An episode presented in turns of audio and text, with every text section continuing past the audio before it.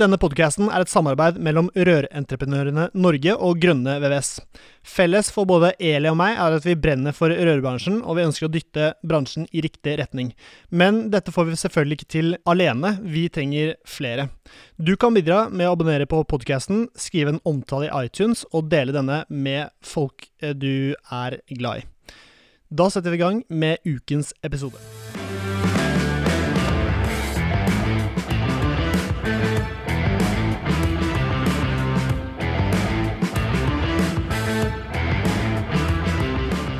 Velkommen til Bare Rør med Eli og Poppe. Og også i dag uten Poppe. I dag har jeg også med meg Kristoffer Skogstad Messia fra Hallo. Sandvika Rør. Hei, Kristoffer. Veldig glad for at du kunne være stand-in til Severin i dag, altså. Veldig gøy å bli sammenlignet med en sånn ung eh, fyr som Severin. Altså, Du er jo ganske ung du òg, syns jeg, da. Ja, Ung og takk. lovende. Eh, Men i dag så har vi også en gjest som har vært gjest hos oss før. Han heter Gøran Søby og var gjest her i episode 71.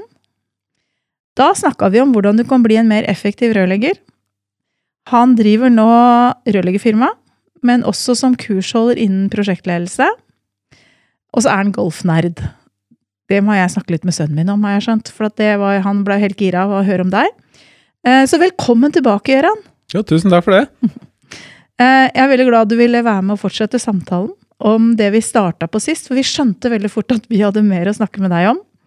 Eh, Så det vi skal snakke om i dag, er egentlig hvordan du vi skal fortsette den der effektive rørleggeren med å snakke om hvordan du kan få å skape en bedre, bygge, mer effektiv byggeplass. Jo, takk. Det er kjempegøy å bli spurt en gang til. Ja. Det er jo litt av en ære å få lov å komme ja. to ganger. Kjempeartig. Ja, den der reisen med å skape en effektiv byggeplass. Vi snakka jo del om en del forskjellige ting sist. Mhm. Kultur og insentiver. Og det er, det er en krevende greie det, å få folk til å bli effektive. Å Mhm. skape effektive byggeplasser. Det tror jeg det er mange som har prøvd på. Og mange, det er nok en del som lykkes med det. Mm. Eh, Jeg har sett eh, en del gode team, altså det må jeg si, og, og fine byggeplasser. Men det er også ganske ofte vi ser at eh, folk mislykkes. Men det handler om team, ikke sant? Veldig mye om team. Ja. Og hvordan bygger du et team? Ikke sant? Hva er forskjellen på et team og en Mm. gruppe mennesker? Har Mm. dere noe svar på det? Jeg har jo tatt deler av masteren min på BI, handla jo rett og slett om teameffektivitet. Men jeg har ikke noen fasit for det. Men jeg har mye god teori rundt det. Hva tenker du, Kristoffer? Altså, den som har fasiten, har vel løst det, men eh, vi, vi lærer vel så lenge vi lever. Ja, fordi en gruppe mennesker, det kan du jo bare treffe på gata. Mm. En gruppe mennesker som er en gruppe mennesker. Men et team, hvis du lagde et team av dem, så ville de hatt et felles mål. Mm. De ville hatt en felles kultur. De ville hatt sine kjøreregler og sin metode for å oppnå sine resultater. Og det er jo det jeg tenker at prosjektlederen må jobbe mer med for å lage effektive byggeplasser. For én ting er det vi mange, mange tenker, er å hoppe rett ut i Vi må gå på byggeplassen, og så må vi jobbe fortere. Det er det folk tenker. Fordi å piske Mm. folk litt. Piske folk litt, Ja. ja. Følge planene, liksom. Ja. Må kjøre på, dere må jobbe hardere. Men jeg har ikke helt trua på at eh, det skaper de resultatene. Eller det har jo vist seg, da, gang på gang, at det holder faktisk ikke med å bare jobbe med det Men for å bygge et godt team, så må du ha en god leder òg. Ja, det er jo kjempeviktig. Lederskap, da, og kulturbygging. Mm. Og litt av problemet er vel kanskje at uh, prosjektledere i dag uh, sitter på kontoret, da. Mm. Et helt annet sted enn der hvor eh, prosjektet gjennomføres. Liksom. Nei, men Nei. det hadde jo vært veldig rart da hvis fotballtreneren eller manageren til laget, Sir Alex Ferguson, liksom, han er ikke på stadion eller treningsfeltet når han trener. For det er jo det bygginga er. Det er jo Mm. kanskje kamp, da, men også en form for trening. For du trener jo ikke på samme måten. Men de er for langt unna. Mm. Så lederskapet, lederne, må komme seg faktisk nærmere dit hvor det skjer, da, for å utøve sitt lederskap. Mm. Mm. Er litt av utfordringen at vi er en bransje med veldig mye fagarbeidere som kan først og fremst fag? Ja, det tror jeg nok. Veldig. Mm. Og at uh, lederne ikke bruker så mye tid på å tenke over hvem er jeg som leder? Hva er det jeg ønsker å være som leder? Altså, hvorfor skal folk ville bli ledet av meg? Mm. Når de går hjem for dagen, eller når vi er Mm. ferdig med et prosjekt, hva ønsker de å ha fått ut av mitt lederskap? Så at det da blir det jo vanskelig å utøve godt lederskap òg, hvis du ikke har en klar tanke om hva du ønsker å utøve og få til da, med det, ditt daglige virke. For du kan vel kanskje være liksom en naturlig født leder, men det er vel noe du kan trene deg opp til å bli? Er, ikke, er mye av skillsa noe du kan lære deg? Jeg vil tro at lederskap er en ferdighet, som du sier. Skills, ja. ja. Absolutt. Og da kan du vel lære det da, bare gjennom øving og bevisstgjør- Mm. bevisstgjøring. Mm. Ja, absolutt. Det er kjempeviktig. Har du alltid vært en ledertype? Jeg liker å ta ansvar. Ja. Absolutt. Så det er jo naturlig for meg å stikke fram nesa og begynne å prate når det er behov for å, for å gjøre det. Du og Kristoffer? Kan vel ikke si at jeg ikke er det. Jeg Nei. stikker også fram eh, nesa, så men om jeg er en god leder, eh, det får andre bedømme, men man prøver jo. Men må en, nå skal jeg spørre et litt sånn på vegne av alle introverte. Må man være en som stikker fram nesa for å bli en god leder? Nei, det tror jeg absolutt ikke. Nei. Men jeg tror hvis du ikke stikker fram nesa, så må du kanskje være litt mer bevisst i ditt arbeid for å få fram budskapet ditt. Mm. Det tenkte jeg litt på på veien her. For hvis du ikke har et sånt eh, Naturlig naturlig behov og ønske om å snakke til forsamlingene og teamet ditt, så må du kanskje lage fora da, Mm. hvor det blir naturlig. For Kristoffer, kanskje det er naturlig hvis vi treffes til lunsj, og så ta en prat og drive med litt lederskap og kulturbygging der og da, litt før lunsj, litt etter lunsj, litt underveis i arbeidsdagen når vi treffes. Mens for andre da, som er eh, kanskje litt eh, mer eh, ordknappe, Mm. da må skape situasjoner Mm. eh, Hvor du får muligheten til å gjøre hvor det. du får muligheten til å Mm. gjøre det, hvor han kan planlegge og tilrettelegge for at nå skal jeg drive med det. Så det er egentlig et varsel til alle der ute, da, som kanskje ikke er de som stikker huet lengst fram. Det er faktisk en god sjanse for at du også kan bli en veldig god leder. Du må bare lage en plan. Ja, absolutt. Ja, absolutt. Jeg tror jeg, altså alle typer mennesker kan bli gode ledere. Ja. Det er helt overbevist om. Det er ikke noe sånn at uh, det er forbeholdt noen. Det er, det er mange som kan utvikle seg til det. De Men det er klart at det, er ikke så mange i dag som er gode ledere. Jeg tror det er behov for flere ledere enn det er ledere i dag. Ettersom det er såpass mange forskjellige bedrifter og situasjoner hvor det krever lederskap. Jeg vet ikke hvordan det er med deg om du har barn, Jeg har barn. for det har jo også Kristoffer og jeg. Og vi har snakka litt i en annen episode om at det der å få barn, Ja. det er eh, også en lederutdannelse. Fordi at du må på en måte finne ut hvordan dette, dette barnet virker, og hvordan du skal håndtere det på en sånn måte at du det får mest ut av seg sjøl. Det er jo på en måte, det henger jo litt sammen. Ja, Hvis du har en intensjon om å være en god forelder og, og hjelpe barnet ditt å utvikle seg til et godt menneske, så er det greit å ha reflektert litt over hvem man vil være. Vil ikke alle egentlig det, da? Eh, vi kan jo i hvert fall inne. håpe at alle foreldre har et ønske om det. Men eh, Men i lederbransjen så er det vel ikke sånn. jeg, jeg tror også de fleste ledere har et ønske om at ting skal være bra, men jeg tror mange er ubevisste sin rolle som leder, og at de faktisk er viktige å utøve lederskap. Istedenfor bare um, organisere. Jeg tror veldig mange som er prosjektledere, bare organiserer. Bare Mm. lager fremdriftsplaner og, og bestille materialer. liksom. Ja, passe på liksom, det rent praktiske, da, organisering av det daglige. Mens de snakker ikke om lederskapene, vyene og visjonene og, og teamregler og De tenker ikke 'hva er det jeg leder', de tenker bare at uh, 'jeg er leder'. Ja. Ja, sjef er det noen som er òg. Eller jeg er sjef. Det er litt stas. Ah. Det er noe helt annet. Kjipt Bare organisator. Ja. Det er jo det mange av de er, altså Ja. bare organiserer. Mm. Det er vel baser som ofte er lederne på prosjekter, da, eller? Uformell leder, kanskje. Det er litt spennende det er med uformelle og formelle roller. Mm. For nå snakker vi bare om de formelle, eh, formelle rollene. Prosjektleder, bas, rørlegger, som Mm. er en, den skrevne tittelen. Mens det fins jo uformelle roller òg. Han som er klovn, og han som har det uformelle lederskapet i gruppa. For det er jo sånne alfahanner Han eller hun vår. alle hører på, ikke sant? Yes, Mm. som er veldig viktig. Som er en viktig person å få med seg når du er leder òg. På. Ja, han er veldig viktig å ha på lag. Eller den personen da, er veldig viktig å ha på lag. Har du, hvem er, kan du nevne en leder du har møtt på din vei som du tenker at du har lært mye av? Ja, det syns jeg er flere. Nå, var, nå nevnte jeg Torkil Korsnes sist, så han eh, får ikke gleden av å bli nevnt nå. Nei, det er sant. Men eh, absolutt. Jeg hadde Odd Pedersen også i NVS Oslo en gang for en lang tid tilbake. Det er nå de to jeg har hatt de siste 15 åra, da. Så, Ja. så absolutt. Og så har jeg jobba som Andreas Torpen, i, eh, som jobber nå i Total VVS, som også var en god leder. Ja. Som var min nærmeste leder da, som eh, lærte meg mye. Så det, jeg, har møtt, jeg har vært heldig og møtt mange. Hva med deg, Kristoffer? Har du møtt noen gode ledere på din vei? Ja, mange. Jeg har eh, fått lov å jobbe under mange gode ledere, og fått lov å sitte og prate med masse gode ledere. Det er jo det som er fint med å være på kurs og seminarer i Rør-Norge. Du får, du får liksom møte masse ledere både i en profesjonell setting og i en, en hyggelig setting eh, eh, utover middager og, og kveldene. Så det er veldig inspirerende. Da kan jeg jo egentlig allerede nå røpe at det er generalforsamling i Rør-Norge i juni 2023. Ja. I Bodø. Vi skal til Der ser jeg i hvert fall deg, Kristoffer. Ja. Og I år skal jeg være påmeldt Uh, I god tid, i god tid. så at du får plass. Ja. Så bra. Uh, Men poenget da er at eh, når du reiser rundt og holder kurs i prosjektledelse, hvor begynner du hen da? Uh, Det er eh, litt avhengig av hva den eh, kunden har bedt om. I dag hva, så hva er bestillingen da, når det kommer noen og sier ja, at du Til den kunden vi jobber for i dag, da, for nå holder vi kurs eh, Evan Jones, som jeg jobber for, i denne sammenheng, da, de holder kurs for eh, en Elektrogruppen AS som holder til i Bodø, som er en del av Connecta. Mm. Eh, så de har jo da laget et, eh, et opplegg som de ønsker at vi gjennomfører. Hvor, de, hvor man snakker om lederskap, effektiv byggeplassdrift, eh, eh, prosjektgjennomføring, resultatsikring osv. Så, videre. så da har vi laga et opplegg basert på det de har bedt om. Mm. Um, så ja, det er et omfattende opplegg. Det er tolv dager da, Ja. Totalt, så det er jo et omfattende opplegg. Ja. Hvor um, han ene jeg jobber sammen med, har ansvar for eh, den første samlinga og den siste samlinga av fire samlinger, og jeg har de to mellomste. da. Mm. Og temaet på de samlingene du har, er da effektiv byggeplass, sannsynligvis? Og, Eh, ja, det er jo altså det, det går på prosjektanalyse, eh, prosjektgjennomføring, eh, strategier osv. Og så er det økonomi selvfølgelig, og resultatsikring og mm. avvikshåndtering og endringer. Så det er, det er mange konkrete ting der, og Mm. mange litt overordna ting som går på lederskap. Og det prøver man å sy inn hele tiden, altså det som jobber på lederskap, og hvordan faktisk få de resultatene man ønsker da, gjennom folka. For det, Mm. det ser vi jo.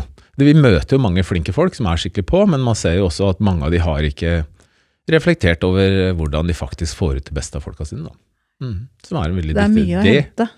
ja, ja, absolutt. For at eh, hvis du Hvis vi skal segway into det neste temaet, som er å drive få effektiv byggeplass, så må du få det beste ut av folka dine. Sånn at det, det holder ikke med at du lager en fremdriftsplan. Du må, du må sørge for at folka dine også er motivert og innstilt på å gjøre det sitt beste for å få det til. Men det er jo ikke sånn Hvis jeg hadde vært leder et sted, så tenker jeg sånn jeg skal motivere de ansatte. Det er jo ikke gitt at jeg skjønner åssen jeg skal motivere de ansatte. Snakker du litt om hva som skal til? Ja, jeg prøver egentlig, vi prøver egentlig å si at du trenger ikke å motivere folk. Folk har motivasjon. Du må bare sørge for å ikke ta fra dem motivasjon. Du må sørge for å rette, legge til rette for at de beholder motivasjon. Ikke sant? For at når du kommer til en bedrift du, Dere har alltid vært, alle vært, har vært nyansatte et sted. Mm. Og så veit du når du går inn døra der, litt nervøs, eh, årvåken, hva er som skjer nå, hvordan blir jeg tatt imot her. Så det, det starter jo egentlig der, da. Med hvordan du tar imot folka dine. Så Mm. ikke ta motivasjon. Nei. Mm. Men ja, for det handler jo om Jeg tenker sånn Hva, hva, hva, hva lar, lar du deg motivere? av? Hva er det som gjør at du gønner på jobber eh, ekstra? Frihet, Ja, ansvar, ja. mulighet til å påvirke er viktig for meg. Ja. Absolutt. Tydelige mål, resultater som vi kan oppnå. Anerkjennelse, status. Mm. Mm. Absolutt. Tror du er broren min? Ja. Det høres ut som, jeg kunne egentlig sagt akkurat det samme, for jeg kicker av på de samme tinga. Mm. Ja, ja, og det, er Det tror jeg mange gjør. Ja. Eller de fleste som Men jeg er ikke så bevisst på det. Altså sånn Jeg ble spurt av han mannen min, som jeg nevnte, at eh, hva, hva er det liksom som gjør at du hvorfor gidder å jobbe så mye? Eh, og det er klart det er på en måte, det er jo fordi at du får nye utfordringer, du får muligheter, du får være synlig. altså Det er de tinga jeg trigger av. Men han hadde jo ikke villet bli trigga av de tinga der i det hele tatt. Han har helt andre preferanser. Så vi er jo forskjellige. Absolutt. Mm. Vi, i, I Evan Jones, da, i det ledersamlingen, så jobber vi med noe som heter DISA-analyse. Disi, DISA, Disa, ja det Ja. har jeg hørt om. yes. Kjempespennende, ikke sant? For da kan du se hva de forskjellige personlighetstypene De fire bokstavene står for personlighetstyper, da. Mm. Driver, inspirator, stay, stay, stabil, I think. Stable. Ja, og så analytic, Analytic. personality. Så det er jo kjempespennende, for da vil du jo se at folk eh, motiveres av forskjellige ting, og trenger, noen trenger trygghet, andre trenger variasjon. Så det er en viktig del av det å utøve lederskap. da. Hvem er jeg leder, faktisk? Ja, så bli kjent med folka dine. Ja, Ja. kjempeviktig. Mm. Og hvordan du klarer å lede de forskjellige gruppene. Kjempeviktig. Mm. Hvordan, hvordan blir du egentlig kjent med de ansatte? Kristoffer, hva har du gjort? Nei, jeg gjør jo det via å velge ansatte som jeg klarer å lede. Det er vel eh, det er Enklere enn det blir det jo ikke. Hvis jeg ikke klarer å lede dem, så er det ikke noe vits å ha dem. Nei, Nei er, eh, det, er, eh, det er jo å, å utdanne deg selv og, og lytte. Det er jo, som, som du sier, jeg var jo på et tilsvarende kurs, men da het det jo ugle og ørn og skilpadde og et eller annet annet, som ble satt i fire båser mm. som man uh, syntes var ubehagelig, men og måtte gjøre det. Og det å vite hvilken bås du selv er i, og hvordan du skal tilnærme deg da eh, andre typer mennesker. Prøve å finne ut hvor fort du klarer å bli kjent med hvilken jeg må si gåsetegnbås, da, for det høres jo helt teit ut å, å sette alle i bås, men hvordan skal jeg tilnærme den personligheten der kontra den personligheten der for å få det beste ut av dem? da? Utrolig viktig. Mm. Utrolig viktig arbeid, altså. Og dette har jo blitt forska masse Altså ledelsesforskning er ganske omfattende. Det har blitt brukt mye ressurser opp gjennom åra på ledelsesforskning. Så det der med å putte folk i bås er faktisk en ganske sånn reell greie, for det er på en måte ganske sånn gjennomanalysert åssen vi er som mennesker og hvordan vi oppfører oss, og det er liksom et system på det òg. Sånn det, det går an. Har du kunnskap om det, så er det sikkert lettere å finne ut av det. Og det er vel derfor dere også snakker om den Ja, visa-analysen Også- på, på de kursa. Ja, og så tror jeg mange ledere tar utgangspunkt i at folk er som en selv. Man tenker Ja. at sånn, eh, sånn må jeg gjøre det, for sånn liker andre det. Det er sånn jeg liker det, og da liker andre det sånn òg. Men sånn er det jo ikke helt. Nei, Så for det- jeg, det er jeg er jo, så jeg forventer jo at alle tenker som meg, men det er jo, har jeg jo lært at det er jo ikke alle som tenker som en, som en eier eller leder. Man ja, det kan man du være helt trygg på. ja, ikke sant? Selv ikke jeg som liker å ta ansvar, eh, tenker Gjør som en det. eier i Nei. den bedriften jeg er ansatt i. Nei, så, så, Så- man må så jo liksom tenke på alle de rollene som egentlig eksisterer, og prøve å få det beste ut av alle. Jeg hadde en opplevelse når jeg var lærling, som lærling hos min far, som drev rørleggerfirma. Da måtte jeg tenke litt sånn, er jeg nå en lærling, eller er jeg dattera til faren min? For det er klart, når du oppdager at kollegaene dine står og kapper opp 54 kobberrør for å få snaus, da er du liksom litt sånn usikker på Hallo. Ja, Det er akkurat like smart som at dattera mi sa at eh, hun skulle gå og plante halvlitersflaska si i kiosken, for da fikk jeg kjærlighet. Men hun glemte at det hadde kosta litt mer å kjøpe den brusen. Det er like korttenkt. Ja. Eh, For det er noe med å klare å sette seg inn i liksom eh, Ja, de du har rundt deg, sine eh, opplevelser av det rundt seg, da. Vi har jo hatt episoder her hvor vi f.eks. har snakka med nå erfarne bedriftsledere, da, men som sier at du, jeg var ganske gammel før jeg skjønte at når bedriften tok 780 kroner timen, så gikk jeg og trodde at det gikk rett i, i kassa til sjefen, liksom, omtrent. At å, jeg skal starte for meg sjøl, for jeg får 780 kroner timen. Uten helt å se hele bildet. Og det er klart, hvis du ikke er klar over at de ansatte ikke har hele bildet, så er det veldig vanskelig å se de mekanismene da, som gjør Ja, og det, og det her er jo egentlig lederskap igjen. Mm. Kjempeviktig del av lederskap er jo faktisk at lederne er i stand til å synliggjøre sånne ting. Mm. Altså snakke både om økonomi og innkjøp og hva som går til hva, og hva som koster og hva som påvirker. Men også det med kultur. ikke sant? Hvem ønsker vi å være? Så det er det jeg legger i å utøve lederskap og bygge kultur. Det er liksom noe som skjer hele tiden. Jeg tror ikke du kan innkalle til et møte, og så i dag skal vi snakke om det og det. Jeg tenker at eh, en leder må utøve lederskapet og kulturbyggingen sin hver gang han møter noen. Så når du hører noen over i lunsj slenge ut av seg en melding om at alle snekkere er så idioter, for de skjønner ikke hvordan de skal bygge spikerslag til oss da, i vegger, ikke sant? Så kanskje det er tid for en prosjektleder å si ifra om at ja, men det er heldigvis derfor vi har jobb da, Mm. som rørleggere. For da har vi eh, mulighet til å fortelle dem hvordan de skal gjøre ting, for de har ikke den kompetansen. Det er derfor de trenger oss. Mm. Og hvem ønsker vi å være i møte med dem? Ønsker vi å være de som bare sier hei, skjønner dere ikke det her? Er Eller ønsker, vi å idiot, komme, eh, eller ønsker vi å komme og by på vår kompetanse? Og så hvis dere gjør sånn her, sånn her og sånn her, så får dere en effektiv, god byggeplass uten avvik. Så ønsker du å være en del av løsninga, eller ønsker du å være en del av problemet? Altså, Mm. så, så det er jo prosjektlederens eh, ansvar, da. Å hele tiden informere om ja, vi tar 780 kroner per time, men vi sitter igjen med en hundrelapp. Mm. Fordi at vi har eh, 680 kroner i forskjellige utgifter til biler og forsikringer og pensjoner og lønn og Mm. i det hele tatt. Så det, det tenker jeg er en leders ansvar, et le- leders ansvar å, å fortelle om underveis. Har du en sånn sjekkliste på ting som det er liksom viktig å tenke på som leder? Nei, Nei? det har jeg ikke. Nei? Men eh, jeg prøver alltid å skrive ned hva jeg vil gjøre bedre neste gang. Så jeg har masse lange lister over ting som jeg skal gjøre annerledes neste gang, og lære av. Mm. Så, men jeg vil ikke kalle det sjekklister.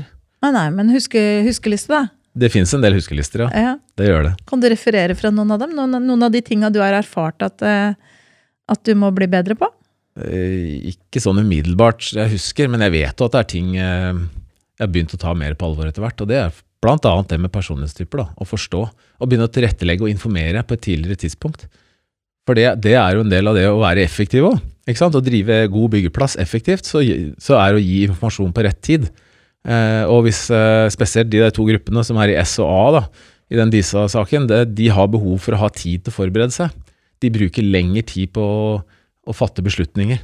Å organisere seg enn det kanskje de to andre bokstavene D og I gjør. da. Mm. Så da kanskje de burde ha en uke, informasjon en uke i forveien, kontra de andre to gjerne tar på sparket dagen før. da, Så det ikke blir for mye å tenke på for lang tid. Så der er folk forskjellige. Så sånne ting eh, har jeg absolutt eh, tatt med meg på veien. Mm. Mm. Men nå driver jeg et lite firma, og så ser jo jeg og hører om eh, prosjektledere som, eh, som du sier, som er gjerne litt langt unna.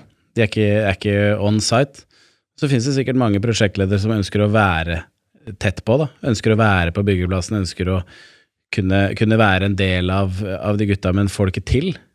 Hvordan er det man kan eh, hvis, hvis jeg sitter og hører på dette her og er en prosjektleder som brenner for det du sier, da. Jeg, jeg ønsker å, å være med, men, men sjefen min bare dytter meg på et kontor, og så skal jeg sitte der og planlegge den der eh, fremdriftsplanen. Hva skal jeg gjøre for noe? Hva, har du noen gode tips til meg hvis jeg skal bli en Eh, bedre leder? Da? Ja, Du kan jo spørre sjefen om han kan ha hjemmekontor. da. Han kan spørre lederen sin om han kan sette seg hjemme.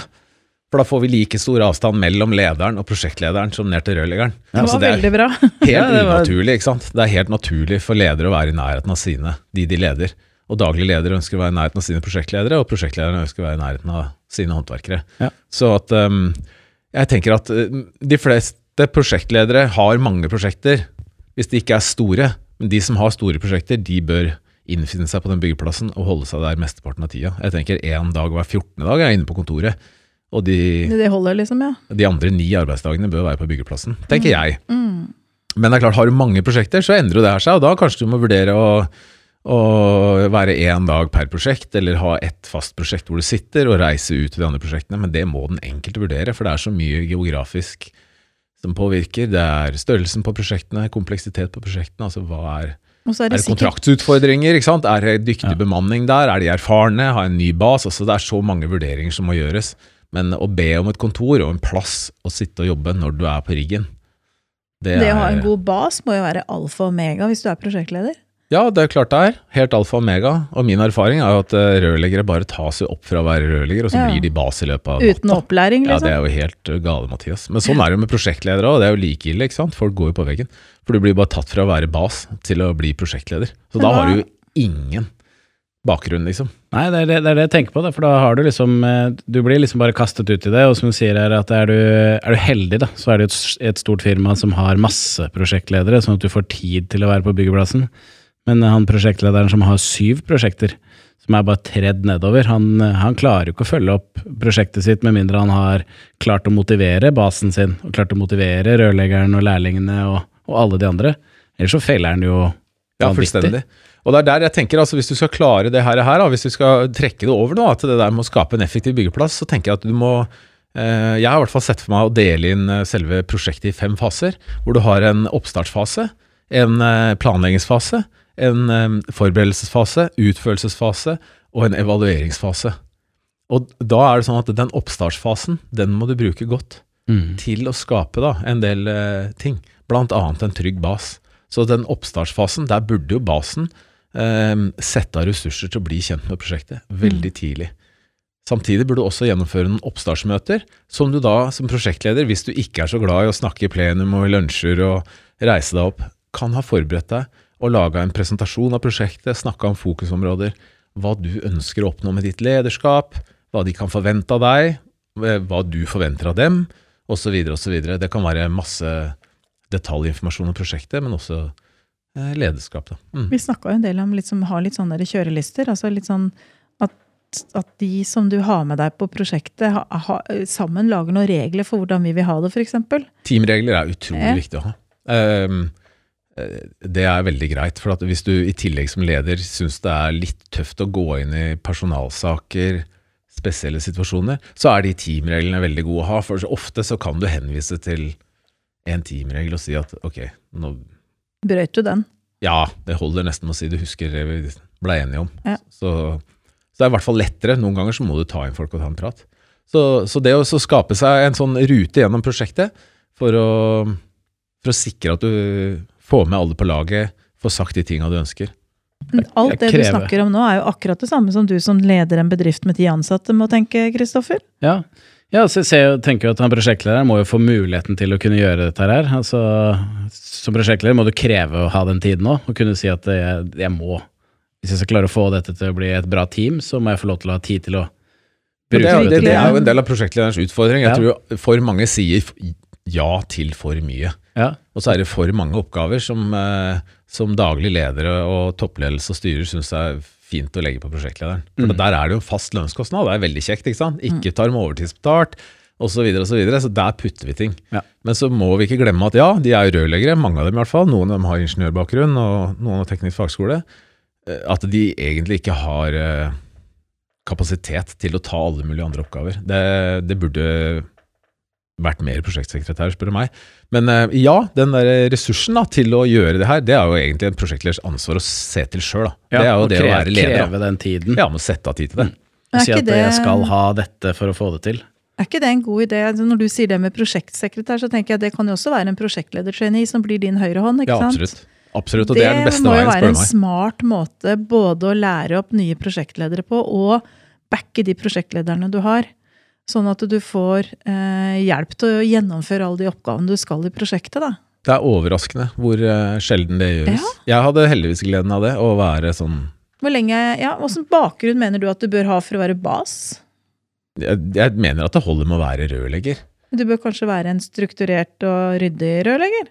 Eh, ja, gjerne det. Men trenger ikke å være den beste rørleggeren. Vil jo gjerne ha en som er god til å organisere. da. Så Ja. det er jo litt sånn forskjell på å være nevenyttig og flink til å organisere. Det er to forskjellige ting. Ja. Og dessverre så er det jo ofte sånn da, at du tar den beste selgeren som blir salgssjef, og den beste rørleggeren til å bli bas, og så er det ikke helt sikkert at det egentlig. Ja, så at, eh, men så, så er det selvfølgelig den der eh, balansegangen mellom ja, ja, men hvis han ikke kan faget, hvordan skal han kunne lede andre da? Ja, det Ja, viser kanskje seg. nok. Egentlig så tror jeg ikke du trenger å kunne så mye fag. Kanskje som bas er det mer viktig enn som prosjektleder. Jeg tror du kan komme unna med det som prosjektleder uten å kunne faget. Jeg har faktisk en venninne som eh, var veldig flink, Britt René Melhus, og gjorde det kjempebra som prosjektleder uten å, å være rørlegger. Hun var arkitekt og klarte å gjennomføre rørprosjekter. Det er klart det er utfordrende da, når noen begynner å, å bruke din manglende kompetanse på rør mot deg. Men hvis du har et godt team da, så er du ikke en er kollega, det tenker jeg. Da er det hersketeknikk. Ja, da er det hersketeknikk på høyt nivå. Jeg også er der hvor jeg tror vi Det er for mange ledere som eh, det er for mange ledere som er rørleggere. Altså du, liksom, det er krav om i rørleggerbransjen at skal du bli bas eller eh, altså Bas er greit å være rørlegger, men en prosjektleder og, og høyere skal være rørlegger for å være det, Det bør jo i være kanskje, I utgangspunktet så bør det kanskje være fagskoleingeniør. Ja, så- Men ja, du, må ha, du må ha noen skills som gjør at du egner deg. Det er jo det som er viktig. At Jeg du tenkte en har det sykt motiverende, bra leder liksom, som er på byggeplassen. Han kan ja. ikke noen ting om disse rørene og, og Ben og alle sine, men bare er sånn Han er sykt flink til å bygge team, han, han er flink til å motivere lærlingen og, og basen sin til å, til å jobbe sammen og finne veier. Det, det, må må jo ikke være rørlegger. Nei. Nei, men da tror jeg du må ha en fagansvarlig ved siden av. Og det er litt av utfordringa, for når du sitter som prosjektleder, så er det så mange fagspørsmål da, i den koordineringen. må ikke sant? kunne svare på. Ja, for å få den effektive byggeplassen. For ellers så tror jeg det oppstår et problem. Altså, hvis du ikke har noen som kan faget, så hvem skal ta ansvaret når du sitter i prosjekteringsmøte for at veggtykkelsen er rett? For at montasjehøyden er riktig? For, Hvis du ikke Altså, at skjønner noe av det selv, ja. Ja, hvis du ikke skjønner noe av det sjøl, så må du ha en konsulent, da, og de konsulentene har vi jo varierende erfaring med. Det må jeg dessverre si, på vegne av alle konsulentene jeg har møtt. At det er jo variabelt. Ja, Dessverre. kan basen være der, da? Spørs hvor mye han kan. da. Men basen er liksom ikke en del av de beslutningsforaene som eh, det utøves prosjektledelse i. Altså, når du skal sende en endringsmelding, så må du vite hva du skal prise. Du må vite hvilken konsekvens det har for byggeriet ditt Mm. å gjøre en endring. Flytte rør eller Så at det der er en sånn eh, litt krevende greie, det. Å bli eh, Basen har jo en helt dyktig leder og faglig, ikke sant. Så det, det er jo litt synd at Og jeg har jo forstått det sånn, uten at jeg har gått på noen fagskole helt nylig. Det begynner å bli en stund siden jeg gikk der. Så mm, de nye fagskolene tar jo heller ikke for seg lederskap og organisering. Det er Sånn. Rein prosjektlederutdanning uten lederskap. Ja, så det er prosjektutdanning da. Nei, det er jo egentlig ikke det. Nei. Men man kaller det det. Ikke sant? Så det blir en fagskole. Så de Mm. holder rent på med det faglige, mens ehm, Det som det er jo at veldig det- lite av det du bruker. Det er overraskende lite av det du, man lærer på fagskolen, som man faktisk bruker i det daglige. Mm. Altså Man bruker noen ligninger om uh, vannmengder liksom, og energi, men uh, det er jo stort sett det også. Så, Jeg tenker at det er litt av grunnmuren din. Hæ? Da tar mesteren etterpå, da. Da får du ledelse. Du trenger ikke å ta mesterutdanning ja, du hvis det? du går på teknisk fagskole. Da får du eh, mesterbrev hvis du har over en viss snittkarakter. Ja. Du har jo ledelse, økonomi og markedsføring som en del av faga på fagskolen. Men det er jo ikke nok vektlagt, sier flere jeg har snakka med, i forhold til den prosjektlederrollen som veldig mange kanskje får da, etterpå. Jeg hadde kanskje en dyktig lærer, men jeg hadde fryktelig mange aha-opplevelser nede på Mesteren, eh, innenfor ledelse. Det var flott. Det synes jeg var, Men det er vel sikkert Hva personen het læreren? Ja, Det husker jeg ikke, men jeg husker jo at han var utrolig inspirerende. Så jeg var jo etter en lang dag ute og skru, og så skal sitte og høre på noen, så er det viktig med motiverende lærere. Det hadde jeg. Så Ja, det er jo det andre jeg har hørt, at det tidvis ikke er like bra innhold i de fagskolene nå, dessverre. Nei. Men Og okay. det popper jo opp nye fagskoler hele veien, og så er det veldig fokus på fag. Og så glemmer man den ledelsesbiten. Mm. Og det kan jo være en oppfordring da, til de som da måtte høre på, og som har noe med fagskoler å gjøre, at eh, push på i forhold til å utvikle den lederbiten. eh, Vi kan jo håpe det er bedre. noen som eh, sitter i ledelsen på noen av disse skolene som hører disse podkastene. Eller så kan jo noen av de som hører på, tipse disse ledelsene om å høre det. Yes. Ja, for det, det jeg tror det er der det sprekker. Jeg tror det er veldig sjelden det sprekker på det faglige. Altså Man hører om overskridelse, forsinker osv., så, videre, så tror jeg veldig sjelden på det rent faglige. Det er mer, Og kanskje heller ikke på det direkte lederskap og kulturbygging, men som blir en del av det. Men jeg tror jo planlegging og prosessforståelse, ikke sant? Hva er, og risikohåndtering og, og ja, generelt eh, prosjektgjennomføring på Ikke på det rent faglige, da, men Nei. på selve prosessen. Mm. Altså, det er litt sånn at Jeg husker jeg snakka til ungene mine om det når vi drev og øvelseskjørte når vi skulle ta lappen. Det er greit så lenge det liksom går rett fram, og det ikke kommer en fotball med en liten unge flyende foran deg. Da går, det skjønner at du føler at du er flink. Det er først når den fotballen kommer, åssen du agerer da, det er da vi skjønner om du har begynt å skjønne noe av liksom det å kjøre bil. Da. Og sånn er det jo.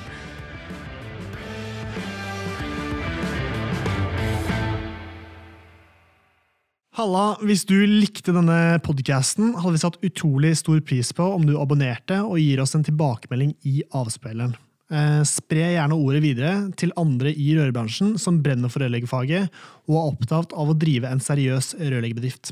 Mitt navn er Severin Poppe Midteide, og med meg har jeg co-host Eli Hermine Heidal Eide.